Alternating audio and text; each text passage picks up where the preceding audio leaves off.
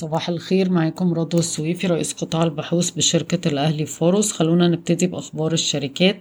شركة Palm Hills حققت مبيعات قوية في الربع الأول من عام عشرين اتنين وعشرين خمسة ونص مليار جنيه بزيادة اتنين وستين في المية على أساس سنوي وصافي الربح زاد أربعة وأربعين في المية لمتين خمسة وتسعين مليون جنيه. وبفكركم إن Palm Hills مستهدفة مبيعات عشرين مليار جنيه في عام عشرين اتنين وعشرين. وفي أخبار إنها تقوم بتوريق من واحد ونص لاتنين مليار جنيه في الربع الرابع من عام 2022 أفيك طلعت نتائج أعمال مجمعة قوية جدا للربع الأول عند 236 مليون جنيه بارتفاع خمس مرات عن العام الماضي وده كان سببه آه، طبعا ارتفاع المبيعات مدفوعة بالكميات وبالأسعار وكمان ارتفاع الهوامش لأن التكاليف زي السلفر والفوسفيت روك زادت بـ بـ بـ بنسبة أقل من نسبة زيادة الأسعار والسهم بيتم تداوله عند مضاعف ربحية 2.8 مرة العام 2022 العز للسيراميك نتائج قوية للربع الأول سبعة وأربعين مليون جنيه بارتفاع عشرين في المية على أساس سنوي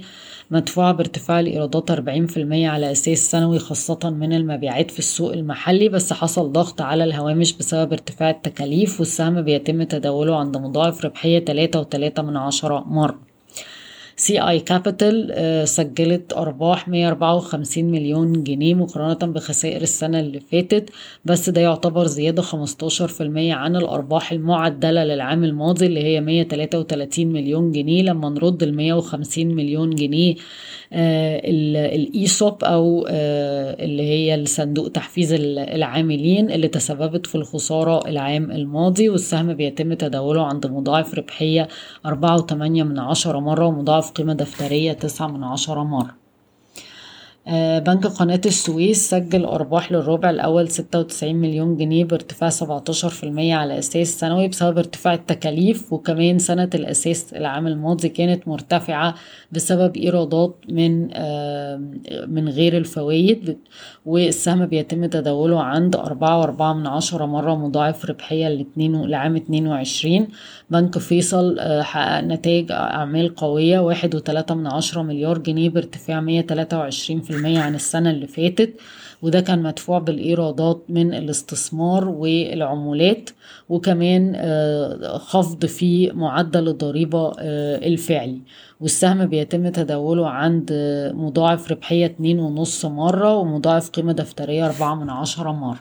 Contact Financial Holding بتهدف إلى نمو محفظتها التمويلية ل 15 مليار جنيه من 11 مليار حاليا وانتهت من إطلاق شركتها Contact E Payments Arabia Investment Holding الربع الأولاني آه الأرباح 36 مليون جنيه بارتفاع 140 في المية. آه عن الربع اللي فات وده كان سببه الارتفاع في الإيرادات ستة وسبعين في المية والسهم بيتم تداوله عند مضاعف ربحية أربع مرات لعام عشرين اتنين وعشرين ومضاعف قيمة دفترية ستة من عشرة مرة.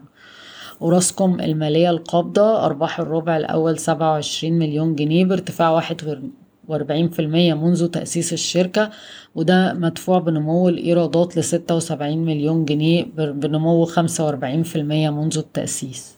متحدة للإسكان سجلت انخفاض 11% في أرباحها للربع الأول لستة ونص مليون جنيه وريمكو سجلت خسائر 60 مليون جنيه أقل من الخسائر المسجلة العام الماضي اللي هي كانت 463 مليون جنيه.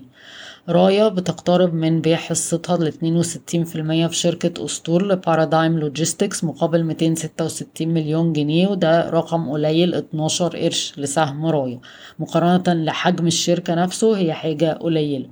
بنك ناصر الاجتماعي بيعرض شهادات 3 سنين بعائد 15% أعلى 1% من البنك الأهلي. في شحنة قمح من أوكرانيا هتتجه إلى مصر من خلال رومانيا والدولة حظرت تداول القمح للغير حتى نهاية شهر أغسطس. وزارة القوى العاملة بتدرس إزاي تطبق ضريبة واحد في المية على الشركات اللي بتضم أكتر من عشر موظفين. وده كان جزء من قانون العمل لعام 2003 ولكن لم ينفذ بسبب دعوى قضائية إن الضريبة دي غير دستورية.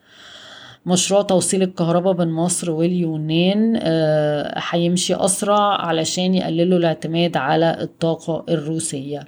بشكركم ويوم سعيد.